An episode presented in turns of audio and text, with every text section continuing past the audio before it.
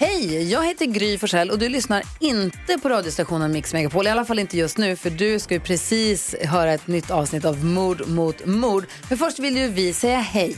Hej, hej, det här är NyhetsJonas. Det här är Carolina Widerström. Och här är Gullige Dansken. Ja, och så Gry då. Och det vi vill säga att när du har lyssnat klart på den här podden, då får du gärna lyssna på våran. Vi spelar in ett nytt avsnitt varje morgon av våra podd Kvartsamtal. Och hela radioprogrammet blir ju också en podd om man är väldigt morgontrött eller så. Just det, om man missar morgonen ja. Men mest av allt så får du gärna lyssna på programmet i direktsändning varje morgon på Mix Megapol. Live varje morgon från klockan sex och då har vi med oss massor med vänner också. Thomas Bodström, Babben Larsson, Johan Pettersson, Christian Luuk. Massor med coola människor som bara dyker upp och gör livet bättre. Ja, som jag, Gullige Dansken. Exakt så. Och så mycket bra musik och annat skoj såklart. Så vi hörs när du vaknar på Mix Megapol. Radio play.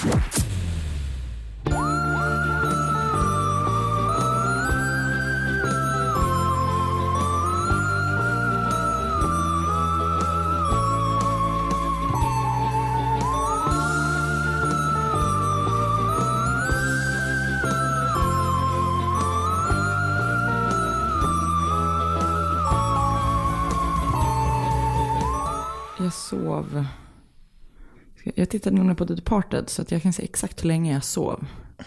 Genom The Departed. En timme och 21 minuter. Gud, Chockad, sov jag så länge? Du har precis vaknat från en en och en halv timmas nap. Det är fan inte synd om mig alltså. Så jävla skönt ju. Ehm, Det var inte nu- många knop gjorda innan det heller. men idag ska vi göra en sån jävla myspodd. ja, jag frågade Oskar om vi fick sitta i, ehm, Där i ute. vardagsrummet. Var skulle han vara? Det var det han sa också. Han håller på att baka bullar till oss. Mm, han är snäll. Mysigt. Ja, det kommer bli bra det här. Det är väldigt mycket söndag idag. Det är otroligt mycket söndagskänsla. Ja, men så att egentligen, vi hoppas att alla mår som en söndag när de lyssnar på onsdagen. Men onsdagen... Onsdagar är väl veckans söndag? Det är Alltså, inte lillfredag det som alla säger. eh, Lill... Lördag. Lördag. nej, det är, nej, det är verkligen Det är sant. lillsöndagen. Det är fan lillsöndagen. Mm. Bra, och där är vi och håller er i handen. Jajamän. Fan vad stark du är. Du har så otroligt stark arm. Tack. Anna. Wow. Att jag satte på mig muscle top Ja, att du flexa. kavlade upp dina armar. Men igen är det så himla varmt här inne. Så idag har jag förberett mig att jag kan sitta sporttopp. Det är så bra att förbereda för när man ska klä av sig. Och jag borde också ha gjort det. Ja. Fast det kommer bli stelt när sen när Oskar kommer in med bullar. Bullarna. Och du, eftersom du har klänning på dig så har du bara trosor på dig. Jag har inga trosor. Nej, jag skojar. Jag, jag får leva vidare i mina nudistförsök. du behöver inte oroa dig. Jag har trosor Okej, på mig. det, det hade varit helt okej om du inte hade det. Okej, hade du det? Absolut. Men hade det varit okej om jag även berättade det? Det är väl det, tänker jag. Alltså, Det är ju svårt för dig att hindra mig från att inte ha tro- trosor. Ja, eller? Men det är också typ ett rimligt krav att ha. Ska du komma hem till mig och sitta på Ska mina möbler? sitta- exakt, ska du sitta så men då lägger vi bara en liten handduk emellan. Du bara, lägger du plastfoliar Du alla... sitter ju faktiskt också på den enda stolen här inne som inte har eh, tyg på sig. Men, ja, nej, men en kudde. Ja, men det är väldigt bra. Då kan man, man eh, tvätta. tvätta. och det här är ju, som alla förstås förstår av det här. Sveriges enda mordpodd. mord mot mord. Mord mot mord. Du heter Anna Sandell. Jag heter Karin Landré. Och eh, det här blir en jävla Resa. resa. Det blir det. Det blir det verkligen. Du har ju haft en, en superintensiv bröllopshelg. Ja, min systerson eh, som jag ju är jämngammal med. Så Ja. det är inte så att vi har gift bort, eh, bort ett, Ett barn. Eh, gifte sig i helgen. man måste klargöra det. Ja men för att alla, och det blir ju Ja. lite sådär lustigt att vi är, det är ett halvår mellan oss. Ah. Och det tyckte, har ju folk alltid i alla år tyckt varit väldigt lustigt. Ja. Men det är inte mer lustigt än, äh, Än något pappa, annat här i min pappa världen. är en ganska gammal man och var gift innan han gift, träffade min mamma. Ja. Ja. Eh, och då gifte sig då min äldsta systerson Felix, Och vad heter hans fru? Astrid. Fruga. Det var, de är så himla gulliga och härliga människor. Du filmade ju när de gjorde sin första dans. Alltså jag var på väg att börja gråta över det. Jag har aldrig träffat de här personerna. Nej men alltså de, Men var de, så såg, kära de, såg, de såg verkligen ut som att de gillar varandra. Och jag fattar att det är ett lågt krav att ställa på på bröllop. Men det var liksom, det var ingen, det, det som jag tyckte var att det kändes så äkta. Ja, det var ingen inte show. stelt. Nej. exakt. De var bara super, super kära. Och så dansade de till den här Seina Bosi For You som är så himla fin. Det var väldigt gulligt. Och jag, ehm, Har du gråtit? jag grät, alltså det var helt sjukt. Jag, jag liksom är ju För- inte nej, du är ingen en gråtare.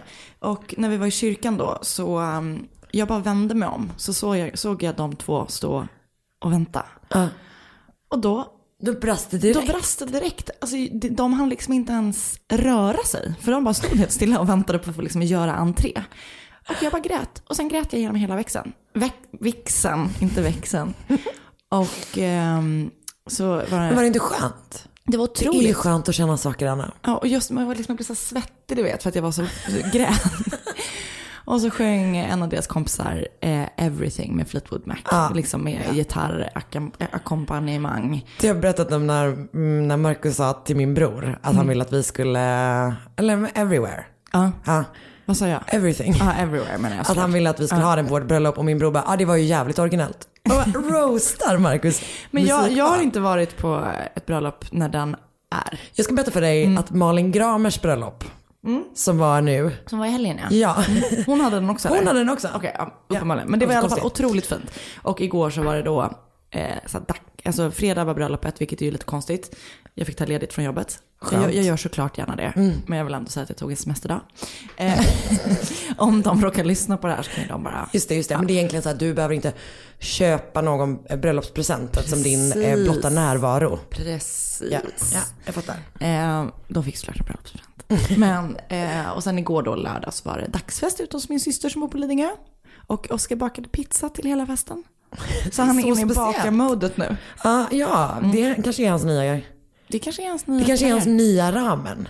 För innan han ju på så himla mycket med buljong. Kan vara. Jag hoppas det. Också så mysigt. Du kommer ha en som bakad höst. Mm, och typ bara så här äta, gå upp 100 kilo i brödvikt. Ja, och så är fucking värt det. Ja, 100 procent. Mm, men du, också de, du kommer också ha de där starka armarna.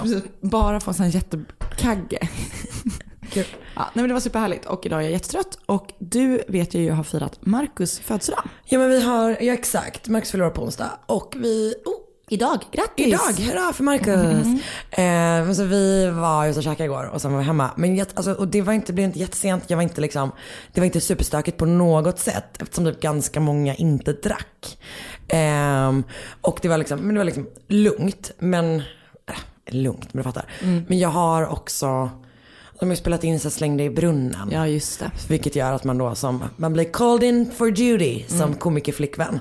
Så jag har varit på liksom Norra Brunn eh, i fredags, var vi där och hängde och jag, då var jag, alltså Anna, jag var liksom så pins, alltså inte, jag var inte pinsamt full där. Nej. Men när jag kom hem, alltså jag var så här, jag bara, jag kan inte blunda. Marcus bara, kan du bara, bara, bara somna så kommer det vara bättre.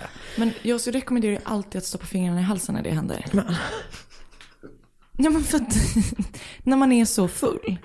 Ja, men ja, ja, det är ju också bara idiotiskt att vara det. Det var för att jag inte hade ätit ordentligt. Riktigt dumt. Jag, ja, mm. jag skäms. Jag skäms. Jag inte för mitt beteende så Nej. mycket som att jag försatte mig i den situationen från början. Sånt rookie mistake. Ja, verkligen. Det är ju det det är. Ät ordentligt, drick inte för mycket. Hör ni det barn? Och jag, för precis, det var exakt det i fredags. Så var jag och tränade innan jag gick på, gjorde ordning för bröllopet. Tog du en semesterdag för det med eller? Jag tog, ja precis. Ehm, och ehm, när jag kom hem så hade jag lite bråttom. Så jag åt två rostisar och ett ägg. Så när klockan var halv sju där, då började jag känna att Nu slår det. nu slår det. Gråt, också gråtit intensivt. Och sen Hade inga, bubbel. in, inga uh, sådana mineraler kvar i kroppen. Nej, nej, helt tömd. Jag har också gråtit jättemycket nu i helgen eftersom jag kollat klart på Orange is the new black. Oh my god, jag glömt bort att jag kom, eller jag har inte det för jag pratade om det igår, men jag har inte sett någonting. Nej. Men alltså, Det är så fucking sorgligt. ja, men det, jag tycker det har varit det de senaste Jag säsongerna. vet. Så det har varit så Ända jobbigt sen, att titta eh, på. en, ja, men, och det är verkligen jättejobbigt att titta på. Ända sen uh, Pussy dog har det väl varit. Alltså sen Ja, den säsongen. ja. Det är ju nästan det sorgligaste i hela Det jävla skiten.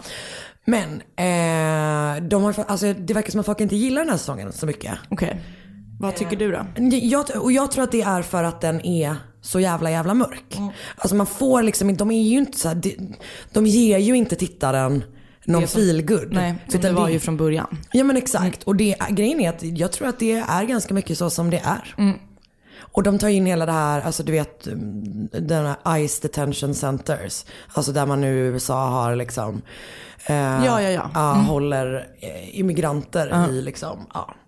Och det är ju också helt ja, fruktansvärt, alltså det är så sorgligt.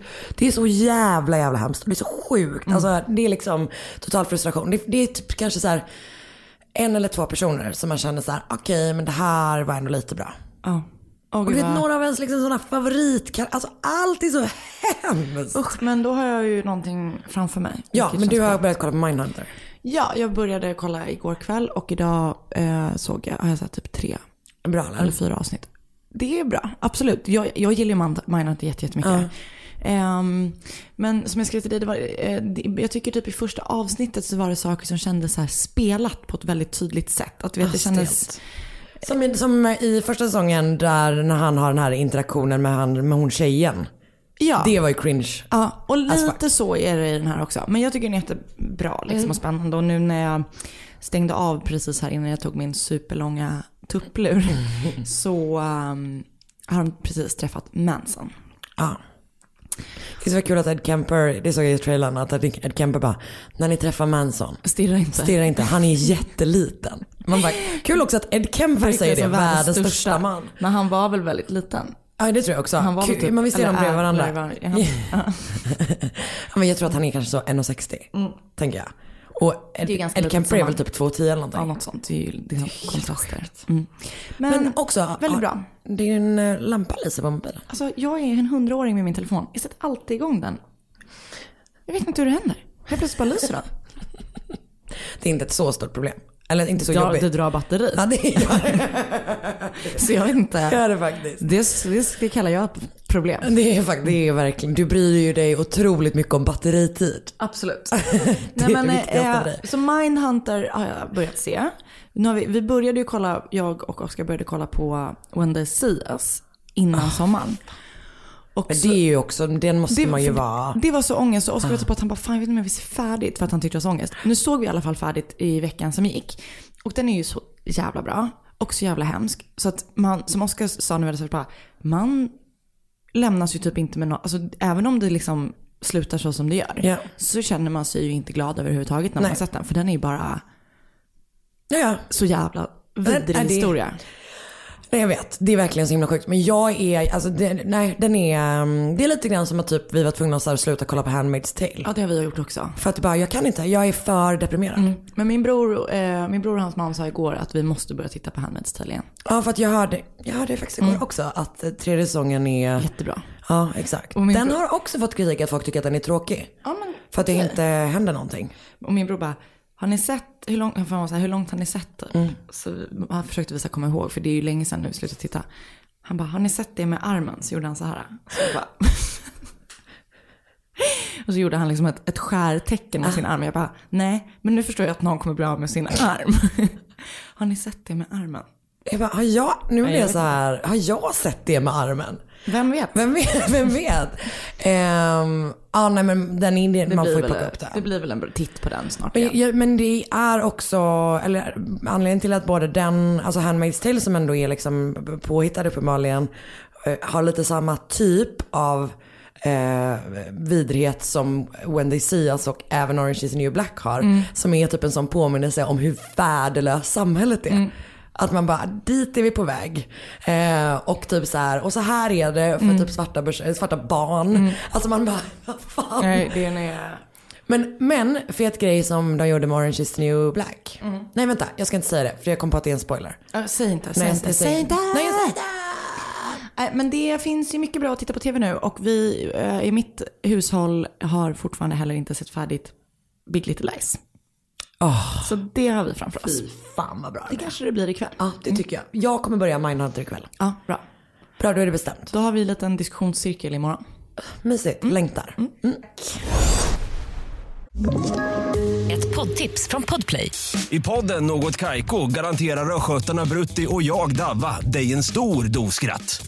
Där följer jag pladask för köttätandet igen. Man är lite som en jävla vampyr. Man har fått lite blodsmak och då måste man ha mer. Udda spaningar, fängslande anekdoter och en och annan arg rant. Jag måste ha mitt kaffe på morgonen för annars är jag ingen trevlig människa. Då är du ingen trevlig människa, punkt. Något Kaiko, hör du på Podplay. Därför är gardinerna.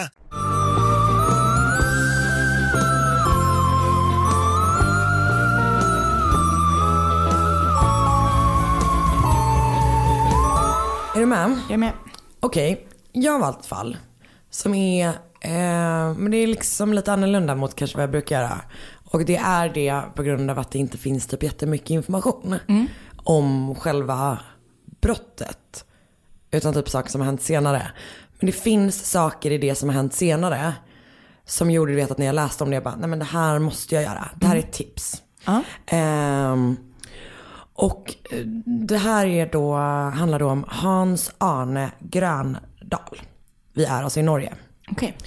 Ehm, han är född den 24 oktober 1954 och han är då 40 år den 13 december 1994. Han har ehm, en fru som jag tror heter Tove. Återigen, finns väldigt, väldigt lite information. Alltså, jag vet inte vad han jobbar med. Det liksom finns inget. Ehm, och jag har verkligen, verkligen läst många norska artiklar. Eh, och han har åtminstone en, åtminstone en dotter. Hon heter Bente. Typiskt Eh, norskt namn. Ja, Bente Berg. Tycker det hade någonting. Titta om det. Eh, Men de är inte med honom när han den 13 december 1994 går på båten Stena Saga.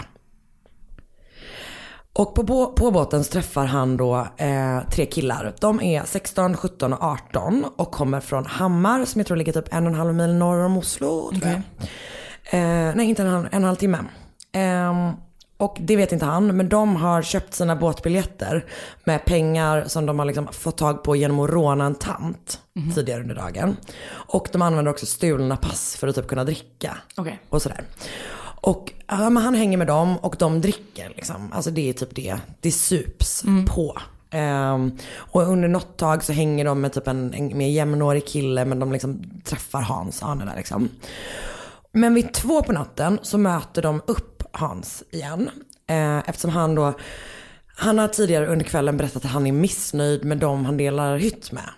Jag vet inte varför, liksom. men att han har sagt så här, han kanske tycker de är Det är för att man inte vill dela med folk man inte känner. Nej men det börjar ja, där. Mm. verkligen sant. Eh, det kan bara vara att han sagt så här, fan det här med att dela, dela säng med främlingar, lite konstigt va? Så att han har berättat att han är missnöjd med liksom sina hyttkamrater och då erbjuder de honom att sova i deras hytt för de har då en säng över, en överslaf liksom. Det är hytt 4613 och han tackar då ja och följer med dem och liksom går och lägger sig hos dem istället. Men någon gång mellan tre och fyra på morgonen så attackerar 17-åringen Hans Arne Gröndal i hans säng. Och hugger honom upprepade gånger i bröstet och magen med en kniv. Och polisen kommer då senare säga att så här, men du vet, han har liksom inte en chans. Nej. Det var bara, han ligger och sover och blir attackerad liksom. Och nu ska jag berätta en sak som är så jävla jävla hjärtskärande. Att det, under, eh, under rättegången så berättar typ någon av gärningsmännen att det enda som så här, han hinner säga under liksom attacken, eh, hans, är att han bara, men det är ju jag pojkar. Jag vet, det är ju fan, ja. Jag fick sådana rysningar när jag läste det. Ehm, jag har namn på två av tre gärningsmän. det är här jag är, du fattar. Och eh, det, jag hittar verkligen inte det sista. Och det konstiga, det konstiga med det är att det är han som var 18, som ändå var myndig när det hände, som jag verkligen inte hittar, hittar någonting om. Men 16-åringen heter Tom André Thoresen och 17-åringen, som alltså var den som då höll i kniven, ehm, heter Chris, Chris Brynte Torp. Och tillsammans har de tre då planerat mordet under typ en halvtimme innan de liksom väl gick och letade upp Hans liksom. Och motivet är pengar, alltså det är ett rånmord liksom. De vill ha, ha hans grejer och de vill ha eh, hans pengar typ. Men de har också varit alltså, typ i en eskalerande våldsspiral innan uppenbarligen liksom. Så det här är ingenting, det är inget, inget allra första brott Nej. förstås. Även om det är det första mordet liksom. De är ökända i Hammar. Alltså det är verkligen så här värstingar typ. Och den yngsta av dem, han som heter Tom, Eh, när det väl är liksom dags för rättegång så har han alltså redan hunnit samla på sig 16 åtalspunkter. Åh jävlar. Ja.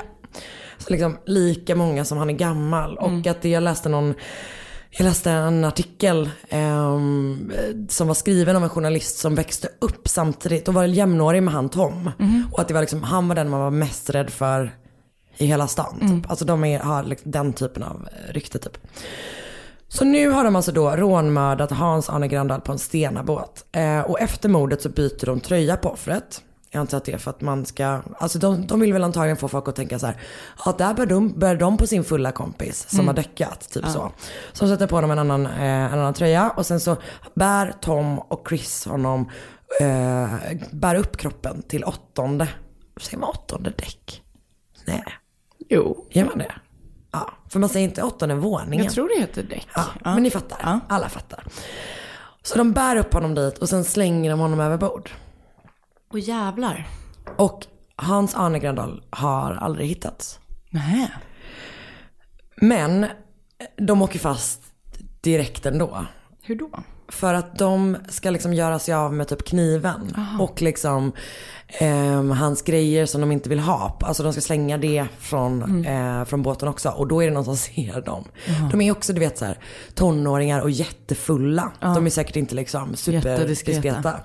Ehm, så att de, först får de liksom tillbringa natten i en sån, du vet båtfängelse.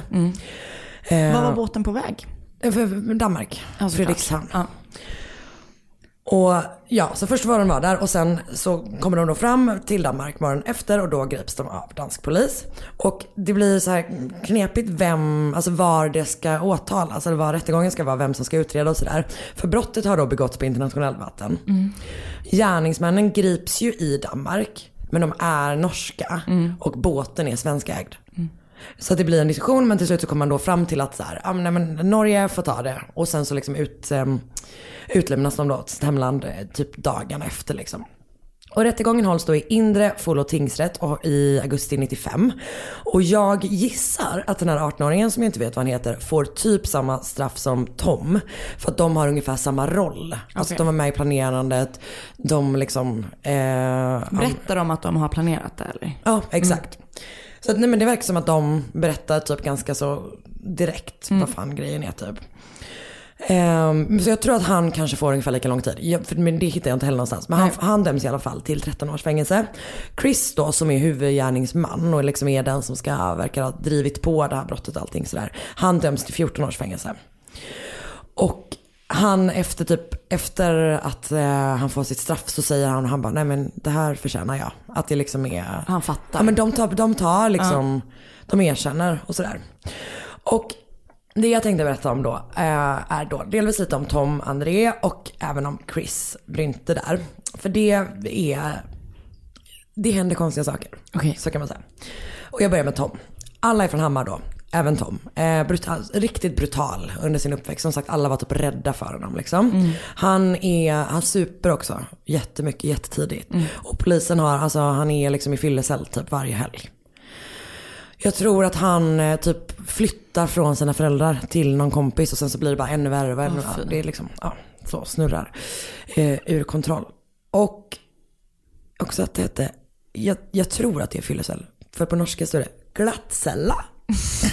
det tyckte jag var härligt. Det lät mysigt. Ingenting låter hårt på norska. Nej, eller hur? Så jävla mysigt. Man bara, hmm, ett trevligt så butikshotell.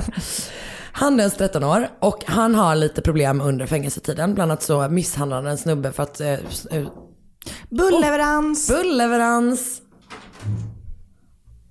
Nej. Hallå? Vad konstigt Vilken luring. Men alltså, Oscar. Oj. Wow. Tack. Tack så jättemycket. Du är världens snällaste. Nu har vi alltså fått nybakade bullar. Är inte det det De sjukaste? är lite brända. Anna, var tacksam nu. Ja. Han döms då till 13 år. Och hamnar li- liksom lite strul under fängelsetiden då. Bland annat för att han misshandlar en snubbe som byter kanal när han kollar på en hockeymatch. Då tappar han det. Han försvinner en månad under en permission typ. Men sen kommer han tillbaka igen. Och bara, Jävlar. jag är tillbaka. Ehm, han släpps då 2003. Då är han 25. Alltså det är också sjukt, de är så extremt. så unga. Ja, alltså de är så jävla jävla unga. Och då har han alltså suttit, vad fan blir det, åtta år? Eller någonting tror jag. Och han har fått en son under tiden i fängelset. Ja, man får ha sådana... Ja, jag antar det. Och hans Arnes familj får liksom ingen information om att han har släppts. Nej. Och de liksom så här kritiserar också typ hur polisen eh, typ följer upp eller snarare inte följer upp att han då inte hamnar i mer brottslighet liksom. För det som händer är att han då alltså beger sig rakt in i extremt grov organiserad brottslighet. Okej. Så han hamnar liksom i något gäng typ, han säljer droger, droger. Uråldrig person. Um, men han säljer knark, han och du vet, så här, begår inbrott och sånt. Och alltså han blir typ torped. Va? Alltså han liksom misshandlar folk för typ maffian. Shit vad sjukt. Är inte det helt stört? Och Finns det ens i Norge? Tydligen. Eller är det här något som du har hittat på? Alltså, i- med det här fallet så var det sånt när jag bara, men det här måste jag ha hittat på. Vid ett tillfälle så skruvar han fast ett offer med skruvstäd i en verkstad. Och sen misshandlar han honom, till, som han själv då beskriver, tills alltså, hela rummet var täckt av blod. Fy fan. Men på något sjukt sätt så överlever den här personen. Shit. Och en sjuk grej med det här är att jag tror bara han får två år för det. Va? Ja. Okej. Han åker liksom efter dem den tiden så åker han verkligen in och ut ur fängelset bara sådär. Och börjar knarka supermycket och till slut så skjuter han heroin liksom. Att han Åh, är nej. heroinist. Men 2010 så hamnar han på avgiftning och får liksom Subatex och sådär.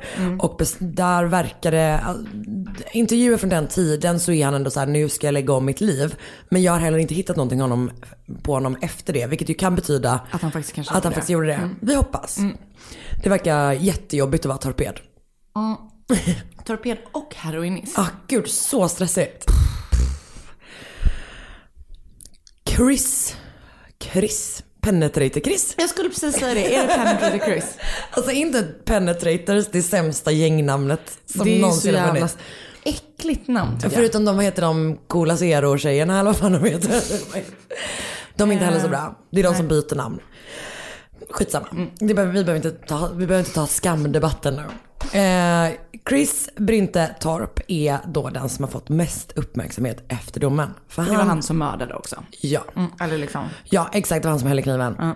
Och han har liksom hållit på. Och med det menar jag framförallt att han har alltså rymt. Typ fyra, fem gånger. Det är så spännande med folk som rymmer tycker jag från fängelset. Alltså, det här är anledningen till att varför jag valde det här Mm. fallet. För att det finns en speciell rymning som är pretty damn spectacular. Ehm, fem år efter att han har fått domen så stämmer han Hammar kommun och något som heter Hedmark fylkeskommuner, vilket jag antar är någon slags länsgrej eller någonting. För att de, han upplever då att de, eller så här, att de har svikt i, av, i omsorgen av honom när han var barn. Okej. Vilket har gjort att hela hans liv har fuckats liksom. Det här gjorde han inifrån fängelset. Ja, och han vill ha en miljon kronor i ersättning men han mm, förlorar målet. Så det är det första som han håller på med. Han rymmer första gången från en permission i mitten av 2002. Och han är alltså då 22 år gammal. Han säger att han inte har någon lust att vänta tills att han släpps ut när han är 26. Alltså men bara, det är också så snart. Alltså verkligen. Ehm, och hans, hans Annes dotter då, Bente Berg, som är väninnan, hon uttalar sig i media och liksom så här, för att han försvinner och är borta länge.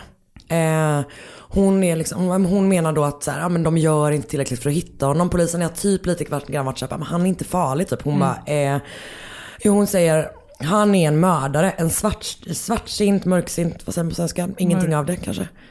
Mörksinnad. Ja, ja, ni fattar. Jag vet inte. Eh, utstuderad mördare. Jag kan inte förstå att han inte ses som farlig. Ehm, och grejen är då att han har betett sig bra i fängelset. Och de säger senare att du vet, så här, när han har ramar och struktur så går funkar allting ganska bra. Liksom. Men han har då börjat få eh, obevakade permissioner i slutet av 90-talet. Och Eh, under en av dem så har han då varit ute i fem dagar innan han då den 20 juni liksom inte dyker upp igen. Han är alltså spårlöst försvunnen. Ingen har liksom någon aning om vart han är överhuvudtaget. Alltså polisen har verkligen tappat liksom kollen på honom. Mm. Nu ska jag berätta för dig hur han hamnar i fängelset igen. Alltså hur man hittar honom. Sju månader efter att han rymde Oj. sänds ett program av realityserien Villa Medusa. Nej. Där han är bartender. I Grekland typ? Eller Spanien. Gran Canaria. Men gud. Så han har alltså dragit till Gran Canaria. Och liksom träffat lite folk som sen var med i Villa Medusa tror jag. Typ börjat vara på inspelningen och bara hängt runt. Fan, han är servi- servitör i Villa Medusa. Är inte det det Fan, vad konstigaste du någonsin har hört? Också vet du att eh, det är Hasse Aro som har hittat på Villa Medusa. Är det? Ja. Konstigt va? Flummigt. Men alltså, fan vad konstigt. Men det vad dumt av honom. ja, det är så, alltså, han har liksom en lägenhet eh, på Gran Canaria. Fan vad konstigt. Och har kommit undan allting. Men han bara måste. Var med i svensk tv. Ja, men det är norsk, eller den norska versionen av Villa Medusa. Men det, ja, det, det här är the soul reason. Alltså. Jag, Alltså. jag bara, det här vill jag så gärna berätta för Anna. Men också så här, man undrar ju vad grejen är. Antingen så ville han ju bli hittad. Tänker jag. Att man bara, jag orkar inte med den här grejen. Men han har ju verkligen, verkligen kommit iväg. Han verkar ju ha läget under kontroll. Ja, alltså verkligen. Och ehm, Eller flykten under kontroll. Ja men precis. Och han, han säger liksom typ att han, ja men delvis det här att han inte vill sitta när de väl, jo för de griper honom liksom typ två dagar efter. Och sen så utlämnas han till. Fan vad weird. Ja, jag vet, det är helt sjukt.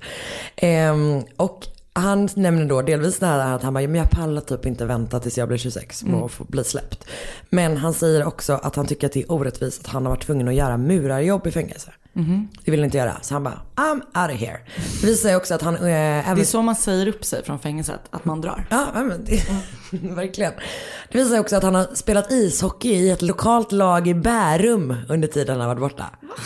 Men är inte det också sju månader? Är så jävla lång tid. Men hur länge har han varit i Spanien om han också hade spelat hockey i Norge? Eh, ja, men bara några månader tror jag. Ah, okay.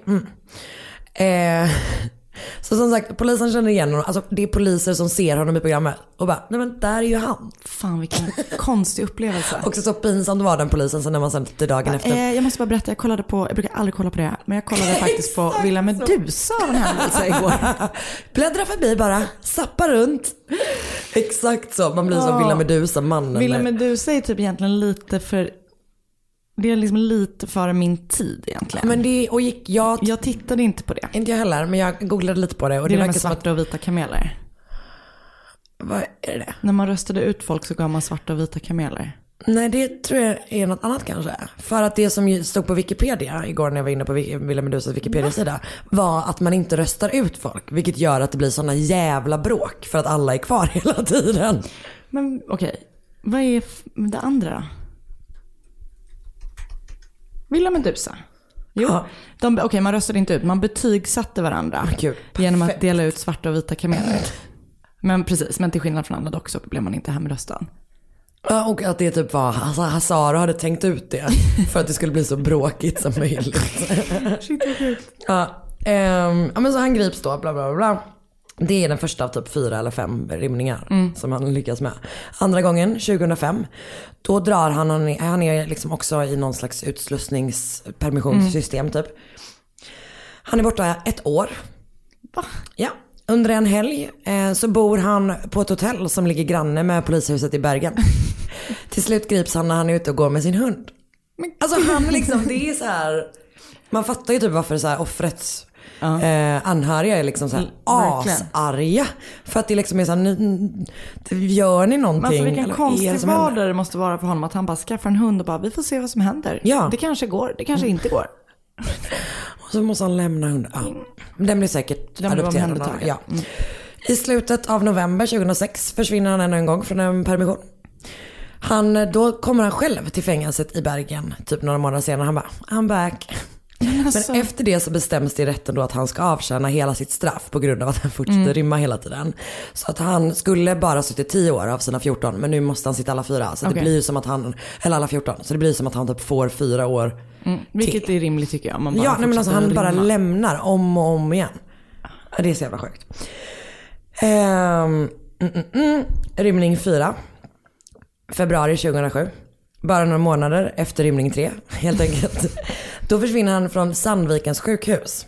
Jag vet inte vad han gör där. Förhoppningsvis får han hjälp för att jag tror att han har jobbigt i sitt huvud, om man säger. Ehm, och nu ska vi se, så att jag säger rätt här. Mm, mm, mm. Han försvinner då. Och polisen efterlyser, alltså du vet de går ut, nu ringer upp Interpol igen. Ja det är vi igen. Han är borta. Han är borta igen, ni kan använda samma bild som sist. Ehm, men polisen får liksom en ledtråd, eller de, de vet om att han har då en relation med en tio år yngre kvinna, hon är 19, tjej. Eh, som är från Steinkjer, säger man säkert inte. Men det ligger i norra Norge i alla fall. De har, är ihop då. Och de börjar misstänka då att så här, men han har antagligen dragit med henne, eller till henne. Men hon är också misstänkt för några brott. 50 stycken närmare bestämt. 50? För hon har alltså låtsas ha iPhones att sälja på nätet. Tagit pengar och inte skickat någonting för hon har inga telefoner. Alltså gud vilket modernt brott. Jag vet, jag blev, det var roligt. Eh, också att de beskrevs som så Bonnie och Clyde i någon artikel. Man bara, that's the lamest fucking. Men alltså internetfraud känns ju så enkelt att Ja, ja. göra om man bara är, Men har, också- inte har ett samvete. Nej, nej verkligen. Men hon är inte supersmart eftersom hennes, alltså, de sätter ju över pengar på ett bankkonto som är hennes. Ah, ja. Polisen bara, det är De bara uppenbarligen swishar till hennes direkt, direkt Ja, men alltså, telefon. verkligen så, det är hennes enda iPhone som hon äger. Det också, står, förlåt, men Säg. också köparna. Nej, som köper en iPhone på det sättet. Fan, skyll dig själv alltså. Lite eller? Ja, men lite. Jag menar inte så. nej, du menar, men, du menar inte att victim blamea. Nej. Men, eh, men nej, gör, gå, gå och köp den i en butik. gör lite research. Mm, verkligen. Använd prisjakt. 50 bedrägerianmälningar från hela Norge. Ah, Har hon nu. Perfekt. Och det står också att polisen gillrade en fälla när de skulle gripa henne. Och att de gillrade en fälla på en bank. Men det står ingenstans vad den fällan var. En sån, jag ser framför mig en sån jättestor Bur! Som kommer ett sånt nät.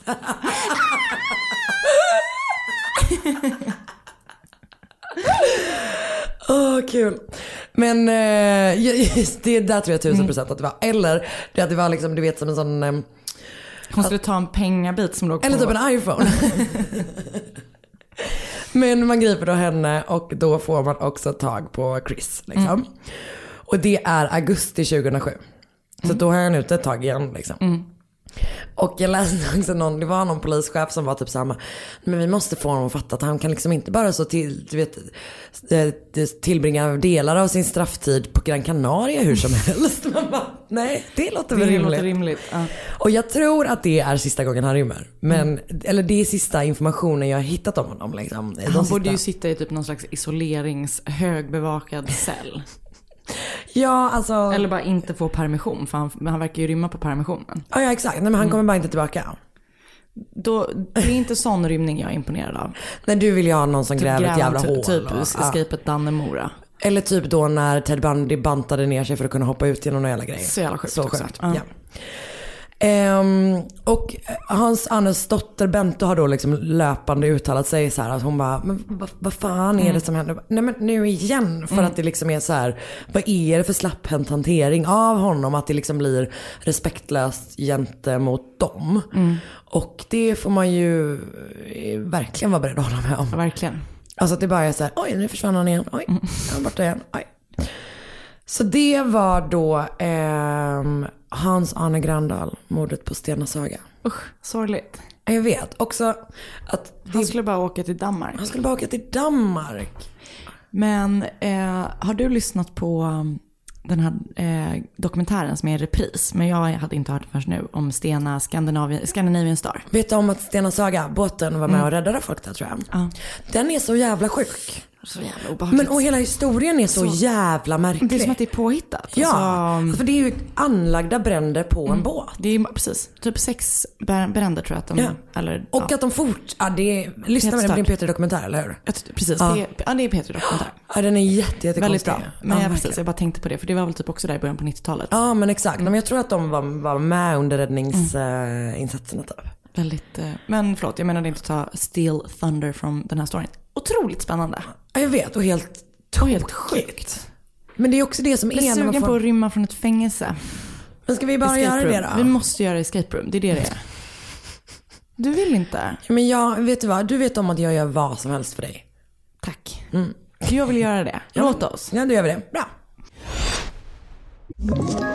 Ett poddtips från Podplay. I fallen jag aldrig glömmer djupdyker Hasse Aro i arbetet bakom några av Sveriges mest uppseendeväckande brottsutredningar. Går vi in med hemlig telefonavlyssning och, och då upplever vi att vi får en total förändring av hans beteende. Vad är det som händer nu? Vem är det som läcker? Och så säger han att jag är kriminell, jag har varit kriminell i hela mitt liv men att mörda ett barn, där går min gräns.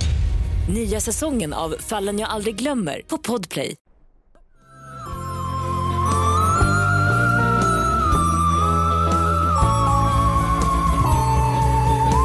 Okej. Eh, I den lilla staden Chillicothe, Coth, i Missouri i USA bor 9000 invånare som i princip alla försörjer sig på, eh, alla invånare där försörjer sig på något vis eh, av jordbruk. Mm. Så det är en jättestor jordbruksstad. Och två personer som har börjat med det tillsammans var eh, bästvännerna Lyndall Robertson och Claude Woodworth. Eller Claudie heter han, Woodworth. Gulligt. Mm. Eh, och de träffades i high school och när de växte upp liksom, så skaffade de sig en eh, gemensam markyta som de eh, började odla på och sen så hade de varsitt hus som låg på eh, varsin sida av Highway 190 som är typ en ganska liten så här, eh, landsväg som går igenom deras mark. Eh, så familjen Woodworth bestod av pappa Claudie, mamma Jackie och sju barn. Och familjen Robertson bestod av pappa Lyndall, mamma Kathy och fem barn. Du har lite buller där. Gud. Bulle hela facet. Det är lätt att det Så blir gott. så. Mm. Eh, och de båda familjerna lever liksom ett så här ganska gott jordbruksliv. Eller det beror ju såklart på skörden. Men de verkar ändå ha det bra liksom. Mm. Och eh, livet kretsar mycket liksom, kring själva jordbruket. Men också barnens aktiviteter. Som typ de gör så olika sporter och spelar piano. Och kvinnorna, alltså mammorna, lagar typ så här god hemmagjord mat. Vilket jag bara lollade åt. För det låter som så här all American farmers good life. Åh gud, typ. vet du vad jag tror att det är gott? Jag tror att det är riktigt gott. Men jag tänker att jag Det, du, inte gillar nej, inte för dig. Men jag tror att för mig, gott. Ja, du och Oskar kanske kan åka dit. Och... Det tror jag vi kan. Ni kan bara äta såna jams och Mm. turkey eller jag vet inte. Kalkon är gott. Kalkon är väldigt gott.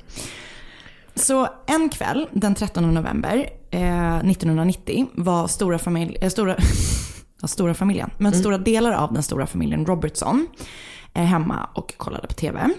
Och runt halv tio snåret så kom den 15-åriga gamla dottern Ronda Robertson hem efter att hon har varit hos sin pojkvän. Och hon kommer hem och sätter sig i soffan och ser färdigt filmen som den övriga familjen har börjat titta på. Så när filmen var klar så gick Ronda och hennes eh, småsyskon eh, till sängs medan mamma och pappa Kathy och Lyndall stannar kvar och tittar på nyheterna. Och när nyheterna är slut så går även de och lägger sig och innan de släpper, släcker lampan så eh, ligger de med varandra. Vilket eh, känns härligt att du With the lights on. Det, det, jag har skrivit det som det, så jag, vi utgår från det. Att de gjorde det innan de släckte lampan. Ehm, och det är jag väldigt glad att de gjorde med tanke på det jag ska berätta nu. För mitt i natten så bryter sig någon in i familjen Robertsons hus. Eh, personen tar sig förbi familjens hund och smyger upp för trapporna och öppnar Kathy och Lindals dörr. Personen har en 22-kalibrig pistol i handen och hen skjuter av sex skott. Åh oh, jävlar. Två skott träffar Kathy och fyra skott träffar Lindell. Kathy skjuts i huvudet och i bröstet och skotten som träffar Lindell träffar bland annat nära hans lever, alltså typ i nedre buken, Buken. typ. Och ett annat går genom munnen och krossar typ hela hans tänder och så går ut på andra sidan. Vilket är typ min skräck, att bli skjuten i munnen. Eh, nej men just med tänd- tänderna. Ja, Och med tandbi... Ja. åh. Ja, åh gud vad äckligt. Eh, och förövaren lämnar huset så fort hen har skjutit av skotten. Och eh, det som är sjukt är att ingen av barnen vaknar Va? av skotten. Och de sover liksom på samma våningsplan plan i huset. Men de vaknar inte av skotten. Så eh, skytten bara försvinner. Sex skott? Sex skott. De har ingenting. Men den 11 år gamla sonen Scott vaknar av att han hör pappan typ så här göra massa läten, typ så här grymtningar och du vet så här. Så han går upp och bara, vad är det som har hänt? Öppnar dörren. Åh gud, 11 år. 11 år, så sjukt liten. Och Scott möts av sin pappa som typ hostar blod och han blöder från magen och liksom vidrig, hemsk situation som han möts av. Jag får till omkull. Det lät som du gjorde det illa. Gick det Nej, bra? Det gick bra. Och trots då att han är skjuten i munnen och i magen och sådär, så han är vaken. Och han lyckas kommunicera till sin son så här, försök väcka mamma, hon liksom måste hjälpa mig typ. Eh, men hon vaknar ju då inte. Och Scott gråter och skriker och liksom väcker då sina andra syskon. Syskonen. Så att ehm, Ronda, den 15-åriga dottern, går ner i panik och ringer eh, till polisen. Eller till 911, så polisambulans. Och ringer även efter sin pojkvän Brand, eh, Brian. Och när Brian dyker upp hos familjen så ringer han även, för då kommer polisen och han kommer typ samtidigt. Och då ringer även Brian till familjen Woodworth, Just till grannarna. Och eh, eh, Jackie kör genast över i bilen och när hon förstår liksom vad det är som har hänt så hämtar hon sin man. Så det är liksom de sluter, slut, sluter upp och så här. Och eh, Kathy är tyvärr död när, på platsen när eh, liksom, ambulans och allting kommer.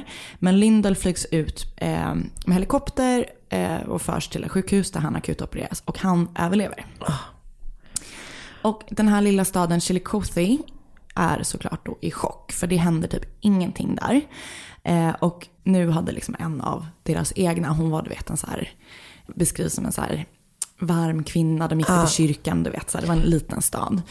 Eh, så hon har då blivit mördad i sin egna säng och bara veckor tidigare så hade ett annat allvarligt brott skett där. För då var det um, en kvinna vid namn Faye Copeland har blivit dömd för medhjälp till mord för att hon var medbrottsling när hennes man dödade så farm workers på deras jordbruk.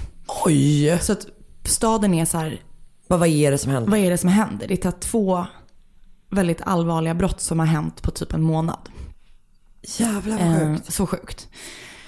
Så eh, polisen börjar då utreda och folk i staden liksom börjar så också prata om, alla pratar ju om det här och alla så här, bara, vad har de sett och vad har de hört och sådär.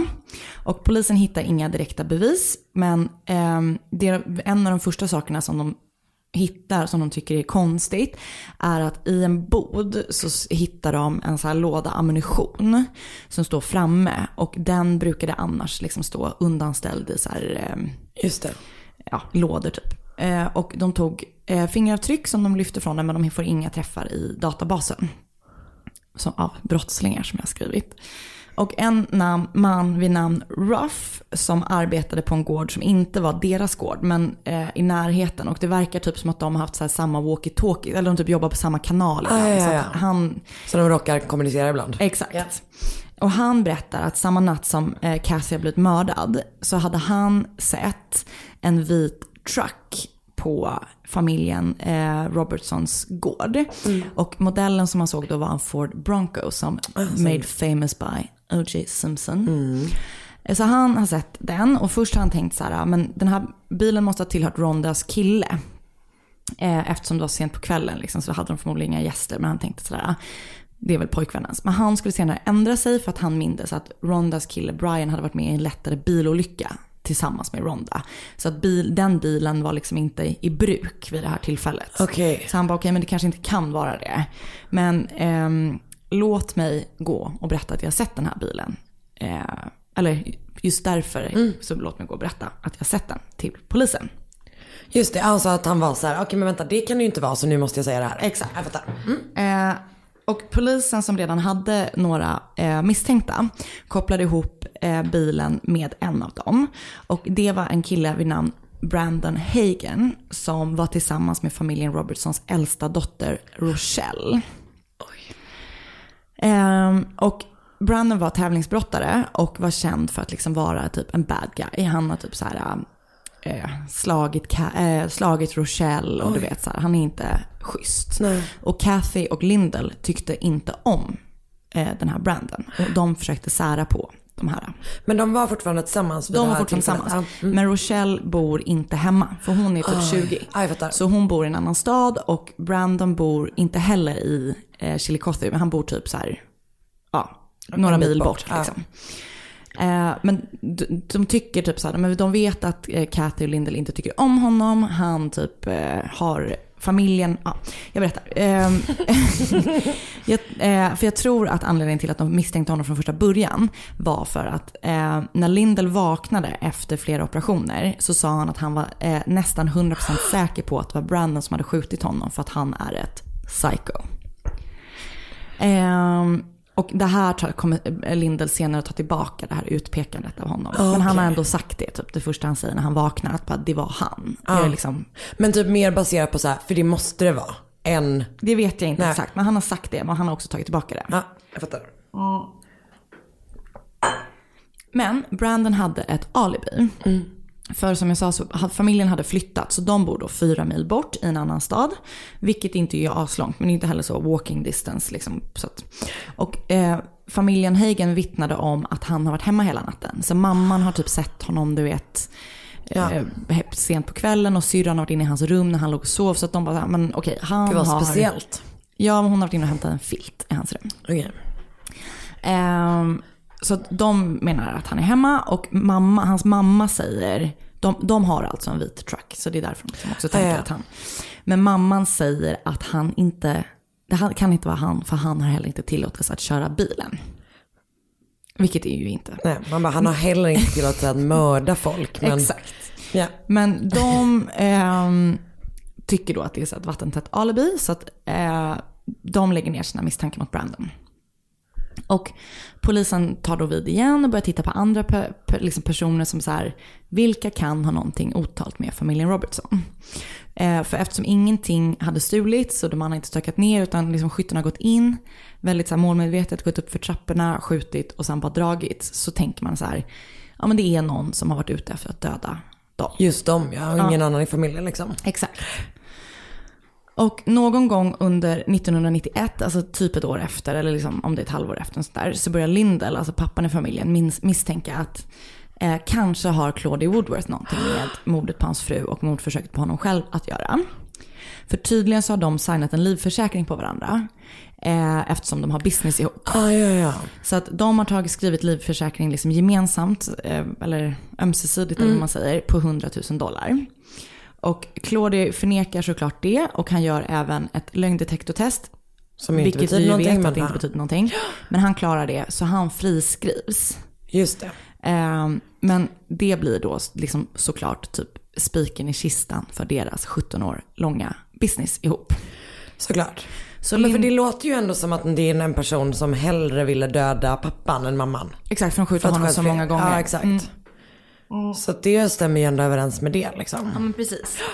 Eh, så att de liksom breakar familjerna och Lindell behåller sin mark men säljer huset och flyttar närmare stan. Okej. Och under de kommande två åren så gjorde in, gjordes inga framsteg i fallet. Men så 1993 så liksom började det hända saker igen. Eh, för som jag berättade så misstänkte Lindell att familjen Woodworth hade någonting det att göra. Och de friskrev ju Claudie, men någon gång under, alltså precis efter mordet så har de också för, förhört en son i familjen som arbetar med dem på gården. Som heter Mark. Och Mark är typ en så här lugn, snäll typ. Och liksom beskrivs lite som en loner. För att han ville typ aldrig vara med och leka och han var så här, höll sig för sig själv typ. Och eh, han har också då typ precis efter morden varit så här, men helt typ, liksom han har bara varit så här, som han alltid är. Han har typ inte reagerat på något vis. Så det tycker Ah, ja, ja. folk är så Mm. konstigt. Typ. Eh, och de har förhört honom redan ganska direkt efter, eh, eller i samband med pappan och sådär. Men, eh, och då tog de även hans fingeravtryck. Och de visar sig vara en match till det som de hittar på ammunitionsboxen i den här lilla boden. Eh, och när de frågar honom så här, varför är dina fingeravtryck på den här lådan? Så har han helt så här osammanhängande svar. För att han vet inte. Nej. Och analyser som görs av kulan som har dödat Kathy, eller liksom kulor som hittat platsen, visar att den troligtvis har skjutits av en pistol med märket Ruger, som också familjen Woodworth äger en som polis. Eller pistol. Eh, så polisen misstänker att Mark har tagit pistolen från, som, som förvaras i typ ett låst skåp i föräldrarnas sovrum. Så de menar att han har gått in i föräldrarnas sovrum när de ligger och sover, tagit pistolen, gått över och skjutit Lindell och Kathy sen fyllt på med ammunition på deras Från gård. där- ah, och sen gått tillbaka och lagt tillbaka pistolen inne i föräldrarnas rum. Det är det händelseförloppet som de hävdar har hänt. Okej. Och det här har de då, det liksom tar ett tag för dem att bygga case. Men också varför skulle han göra det? Men för att han... ehm, För då är inte tanken att typ så här, hans pappa är fortfarande inblandad utan man tänker att det ska vara helt på egen hand. Han typ har fått så här en bit mark som han inte sköter tillräckligt. Så att han är typ skyldig dem pengar och du vet, det finns lite så här... Det är, li- relationen är lite strained. Exakt. Okej. Så Mm. att tanken är väl då typ att så här, eh, Lindel inte tycker att han typ betalar för sig och då typ skjuter han dem. Okej. Den, det är, Den är- inte helt... nej. Eh, och det har tagit liksom ett tag att bygga case. Så att även om de har liksom haft och typ jobbat med den teorin ganska länge så är det först 1993 som de griper Mark. Och han grips när han är i skolan och ingen i familjen Woodworth förstår någonting. Och typ Mark säger själv när han blir gripen till sina föräldrar typ så här. Det är ingen fara för jag har inte gjort någonting. Så att ni behöver inte oroa er för jag kommer komma ut. Typ. För de har ingenting, de har ingenting på mig. Liksom. Men så 1994, vi vet ju nu att lögndetektortest är skit. Men han gör ett lögndetektortest som visar då att han ljuger på typ alla frågor. Så polisen blir då ännu mer övertygade om att det är Mark. Ja. Så ganska långt efter han har gripits, 1995, så blir det rättegång mot Mark. Och det enda de har då är det här lögndetektortestet och den här teorin om Och fingeravtrycken. och fingeravtrycken. Men det låter ju inte ens som att man kan se säkert att de, den grejen hänger ihop med Nej. alltså brottet liksom. Nej, absolut inte. Eh, Men så 1995 är det dags för rättegång och eh, rättegången hölls i Clinton County och inte hemma i deras hemmastad eftersom de ville ha en, liksom, exakt. Så åklagaren i fallet var så en väldigt populär eh, åklagare, liksom, han var så här också så här, de beskrivs typ som så här kyrkogående, alltså vet de är så här hedliga människor. Och han heter Hulshoff och Mark representeras av en eh, advokat som heter James Wersh. Och eh, eh, Marks advokat försöker peka på att Mark inte har några motiv. Nej. Eh, och att det enda faktiska beviset som finns är då de här fingeravtrycken. Och de kan ha hamnat där när som helst. Alltså de umgås med fam- liksom, över Ja. familjerna hela tiden. Och eh, de har typ varit så här, de har varit och skjutit på, du vet alltså test. Så, ja. så det kan ha hamnat där, alltså whenever. Och Halshoff menar då att eh, när det kanske inte, det, det enda som finns då är de här ekonomiska liksom, differencesarna mellan familjen. Och att Mark, han menar att Mark bara är ett så bad seed. Och han eh, jämför Mark med Memphis eh, eh, West Memphis. Exakt. Eh, vad är- de tre? Eller Mem- Ja, three. ja, precis. Som ju också var oskyldiga. Men liksom, Ah, det han visste bara, man ju inte då. ah, ja, Han ja. jämför dem med dem. Och han kanske typ har lite, för där var det ju också så att de såg dem som sådana himla outsiders Exakt. och typ så här. Så han menar kanske då- har lite samma. Precis. Man bara också det är ju verkligen ett superbevis på någonting. Verkligen. Churchy man. Och så menar han också att så här, Mark betedde sig inte som en oskyldig man borde agera i rätten. För att han var så väldigt lugn och sansad som han alltid Mm. var. Och den här Halshoff menar då så att hade han varit oskyldig så hade han skrikit och bara varit så här in, ja du vet. Men det, alltså det känns ändå som att sånt där har blivit bättre. Jag Att vi fattar det, att folk sörjer det. olika, Ja. att man reagerar olika när man är ett offer. Alltså, ja men verkligen. Men så, så att det är så här, det finns typ ingenting att gå på egentligen. men han bygger den här bilden så här, he's a weirdo. Exakt. Alltså det är den grejen. Och att han då, och att han då är en så här poppis, alltså du vet, han har typ vunnit sådana här fall tidigare. Han signalerar, han är, symboliserar det goda. Eh, Verkligen. Ja. Och så rättegången, rättegången pågår i fyra dagar och juryn eh, har liksom överläggande i 11 timmar. Och sen så dömer de då Mark Woodworth till 31 års fängelse. Ehm, och nu ska jag då hoppa fram lite i tiden. För Mark sitter då i fängelse och 2000, år, 2000, år 2000 kommer, familjen Woodworth i kontakt med en advokat som heter Ramsey. Och han är eh, en så här verkligen en rättskaffens man. Han gillar rättvisa och han gillar att ta så här... Who doesn't? mm. Nej men han gillar att ta så här underdog-perspektivet och du vet, han är så här... eh, Det finns en artikel som vi ska länka till, men där de beskriver honom så jättelångt, liksom bak till hans pappa som du vet var så här, ja, han verkar vara så här super good guy. Jag fattar. Spännande. Och han är helt övertygad om att Mark är oskyldig. Och de har kontakt och han försöker väl jobba med det här fallet ganska länge. Men först i år 2008 så börjar han på en ny byrå dit han tar med sig fallet. Och han knyter ganska snabbt till sig en assistent som heter Kelly Williams. Som är också så här, hon beskrivs som en så här noggrann och full i fan kvinna som typ så här, hon har en riktig vinnarskalle. Så han typ ger henne alla så här lådor med Och bara, papper och kör. bara läs det här och nu ska vi liksom bevisa att han är oskyldig. För hon var typ säker på att han var skyldig först. Och sen när hon läser det, hon bara okej, fuck it, han är så jävla oskyldig.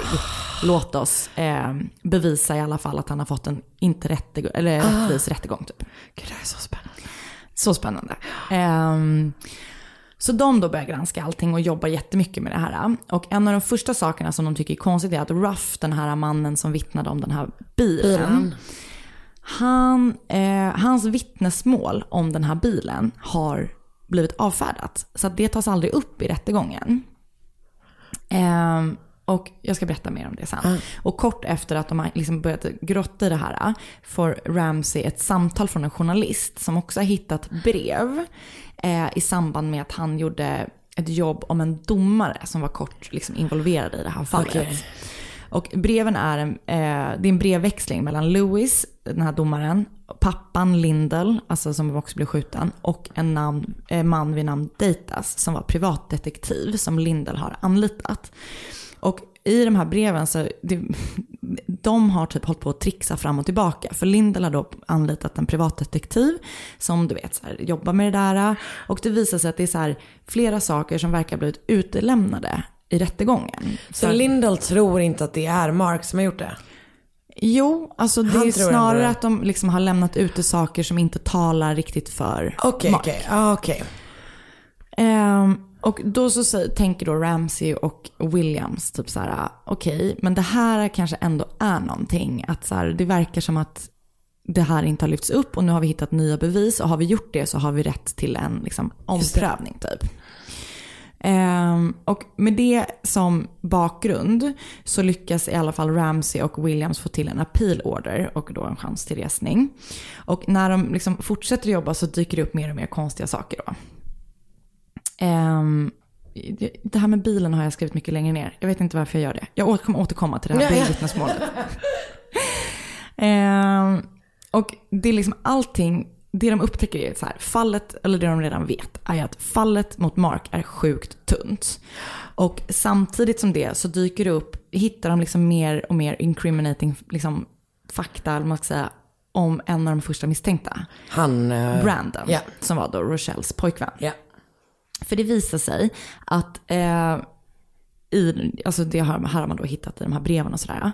12 timmar efter att eh, mordet på Kathy har skett så har han fått sina händer swabbade för krutrester. Ja, just det. Och han, eh, det har gjort det. Det visar att Han han, har skjutit ett vapen. avfyrat ett vapen. Liksom. Så att? Och det har man bara skitit i? det har man bara skitit i. Också bara, hans mamma ger honom alibi. Exakt. Alltså det är liksom... Och det kommer, ja precis. Um, så att det är så här, okej, han har, visat positivt för krutrester. Det här faktumet att Kathy och Lindell hade så sjukt svårt för honom eh, var ju en bidragande faktor till att han verkligen var suspekt. Eh, och det här börjar då Williams och Ramsey liksom lyfta upp igen. För det visar sig att Kathy har flera gånger hotat om att eh, ta ut ett besöksförbud mot Brandon. Om han inte liksom slutade hänga med hans, hennes dotter. Och samma dag som hon blir mördad så har hon fått en sånt besöksförbud. Eh, Men... Ah, gud vad frustrerande. ja. Eh, och det visar sig också att Rochelle var gravid med Brandons barn under, liksom, då Kathy mördades. Och Kathy och Lindell hade då såklart inte velat det. Så att de, och det, det här ska ju de egentligen inte lägga sig i heller. Men de vill att hon ska göra abort. Och Brandon vill inte det. Han blir typ tokig i så här, bara fan låt oss vara. Vilket man ju också förstår att han, man ska Ja, ja, inte vara. mm. Men ehm, några dagar efter att Kathy har blivit mördad så har Rochelle i alla fall bestämt sig för att göra abort. Eller typ blivit tillsagd av sin familj att göra det. Men i samma veva som hon gjorde aborten så ansökte även hon om besöksförbud. Och i ansökan så har hon skrivit så här, eh, Brandon har slagit mig och han, liksom radar hon upp allting som han har gjort, vilket han var verkligen eh, inte en schysst pojkvän. Men hon skriver också så här, he might even have killed my mother. Så hon, hon tror det till och med. Ja. Jättekonstigt. Jävlar Ehm, vad sjukt. Shit vad sjukt. Så jävla konstigt. Så att eh, Brandon och Williams får då upp ögonen för, nej, Ramsey och Williams får upp ögonen för Brandon i liksom relativ nutid. Det här är väl då 2009 eller någonting. Och när de går, går igenom hans criminal record som han har fått då efter det här så ser de att han har liksom gjort både det ena och det andra. För att han har då så här, han har massa misshandelsdomar mot sig, han har hotat folk till livet och sådär. Eh, men hon hittar också att det, det här är också, det är så konstigt att sådana här saker liksom inte har tagits upp. Men hon hittar en, liksom, rap, liksom ett förhör som är lämnat av någon som heter Aaron Duncan som bor i Lake Ozark. Och i det här förhöret, eller i den här rapporten, så berättar eh, den här Aaron att Brandon har skrutit för honom att han har varit typ the number one suspect i en mordutredning. Och att han har kommit undan under så himla lång tid. Så Williams, den här assistenten, hon åker för att träffa den här Aaron Duncan. För att bara säga, jag måste veta mer. Eh, Och han berättar då för Williams att de två, alltså Aaron och Brandon har krökat en kväll. Och då har Brandon berättat om en tjej som han har träffat eh, när han var yngre. Han har också då berättat om att familjen ville att de skulle sluta träffas. Och att de tyckte att han var alldeles för aggressiv för att vara ihop med henne. Eh, Aaron berättar då för Williams också att eh, Brandon har pratat jättemycket om en kille som heter Mark. Och han har typ pratat om hur jävla dum den här eh, Mark är. Liksom. S- ja, eh, och han berättar då liksom att massa annan skit som Brandon liksom har skrytit om. Att när han, som han har gjort, att han har så här kokat meth i high school, att han har sålt ecstasy, att han har slagit folk. Och du vet, han, Man bara han, sluta rabbla ditt CV. Ja, men alltså, han skryter om så dumma saker. Så dumma saker. Ehm, men så berättar han också sist men inte minst att när Brandon en gång har velat låna pengar av Aaron för att öppna ett MMA-gym så sa Aaron nej. Och då har han liksom bara, du vet, blivit totalt tokig och sagt så här I've killed before and got away with it. What makes you think I wouldn't do it again? Så sjukt. Också bara, kanske inte startat MMA-gym. This guy. Aggressionsproblemskingen. Ja, verkligen. Så jävla opassande. Verkligen. Ehm, så de samlar ihop typ mer, mer än så här 200 pieces of evidence Ah, mot, eh, för att visa att Mark är oskyldig och att han har fått en felaktig dom. Eh, och att det var brister i polisarbetet. Så hittar de då liksom samtidigt massa indicier på att den faktiska skyldig, eh, gärningsmannen Är är Brandon. Brandon.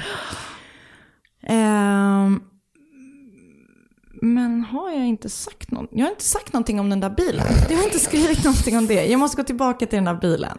Berätta om bilen. Okej, men så här var det. Den har strukits ur förhören. Eller ur liksom rättegångsbevisen. För att ehm, den här Ruff har alltså blivit kontaktad av Lindels privatdetektiv. Och varit så här, men är du säker på att du verkligen såg den här bilen? Är du verkligen det? Bla bla bla. bla du vet, så, här. så han bara så här, nej, jag kanske inte gjorde det. Nej. Man börjar typ tvivla på sig själv. Ja, och sen så, efter, så är han ändå typ så här, nej jag kanske inte gjorde det. Och sen så går det ett tag och så bara, jo men jag är helt säker på att jag gjorde det.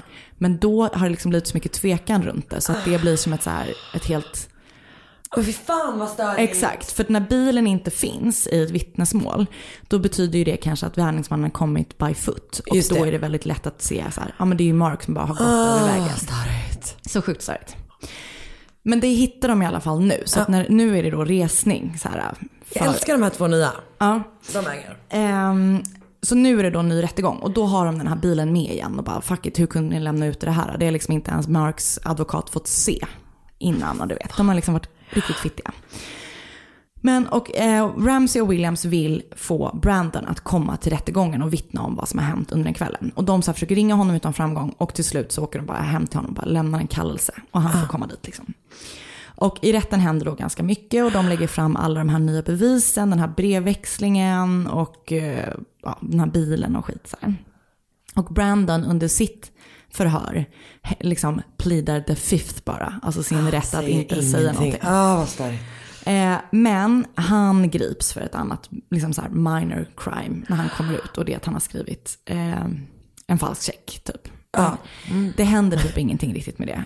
Eh, så att det som händer är i alla fall, efter mycket så här fram och tillbaka och efter massa, massa år i fängelse så blir Mark frisläppt och får liksom resning. Och det är så superblandade reaktioner när han släpps. Eh, för att du vet, många på familjen Woodwards sida var typ så här, ah, hur, ehm, hur vad fan var liksom hemskt att han har suttit och det här har hänt. Bla, bla. Medan eh, familjen Robertson, de som är på deras sida, bara hur kan man välkomna en mördare med öppna armar? Just det. Så många tror Fortfarande att fortfarande skyldig. det är han. Ja. Eh, så tyvärr så finns det ingen dömd gärningsman i det här fallet. För att, men det känns Det- ja. typ ganska tydligt för mig vem den skyldiga skulle kunna vara.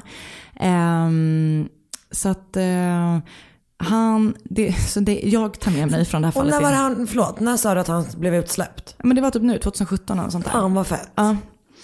Ehm, så det finns ingen dömd, men det som är härligt är att han har fått komma ut. Han har typ så här, bygger ett hus med sin fru och han har typ fått ett litet barn och sådär. Men, och jag vet inte vad som händer med Nej. Brandon. Men det är i alla fall en ganska Jävlar vad spännande. ja, spännande historia. Och det finns en så superlång artikel som också är intalad som podd, som är två och en halv timme.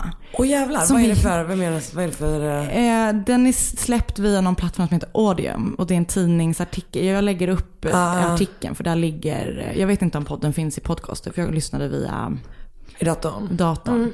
Jävlar vad Men, sjukt. så att där, den, Det här, låter kanon. den här två och en halv timmars podden, eh, där, där finns det så sjukt mycket details. Ah, ja, det, finns, alltså, det är väldigt mycket så här back and forth.